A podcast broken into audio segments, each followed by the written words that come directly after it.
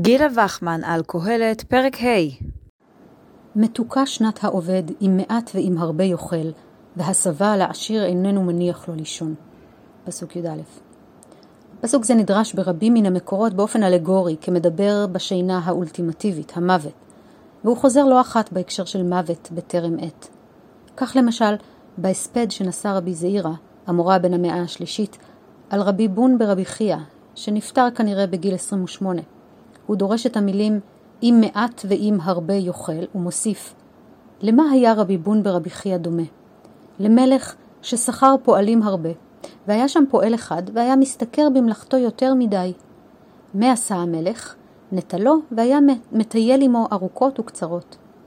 לעת ערב באו אותם פועלים ליטול שכרן, ונטל לו שכרו עמהן משלם, כלומר בשלמותו. והיו הפועלים מתרעמים ואומרים, אנו יגענו כל היום, וזה לא יגע אלא שתי שעות ונתן לו שכרו עמנו משלם? אמר להם המלך, יגע זה לשתי שעות יותר ממה שלא יגעתם אתם כל היום כולו.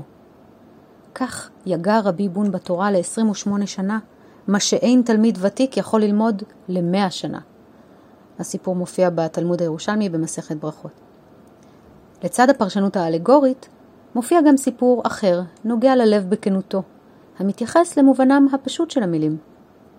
רבי יצא מבית המרחץ, התעטף בבגדים וישב לעסוק בצורכיהם של הבריות. מזג לו עבדו כוס. מתוך שהיה עסוק בצורכי הבריות, לא התפנה לקבל אותו ממנו. נתנמנם העבד ושכב לו. הפך רבי פניו והסתכל בו ואמר, יפה אמר שלמה, מתוקה שנת העובד, אם מעט ואם הרבה יאכל, והשבע לעשיר איננו מניח לו לישון. כגון אנחנו, שאנחנו עוסקים בצורכיהם של הבריות, אף לשכב אין מניחים לנו. מופיע בקהלת רבה, פרשה ה', סימן י"א. אפשר בקלות לדמיין את הנחתו של רבי, המנהיג העשיר והעסוק, שהתה שלו כבר מזמן התקרר, והוא מביט בקנאה במשרתו המתנמנם.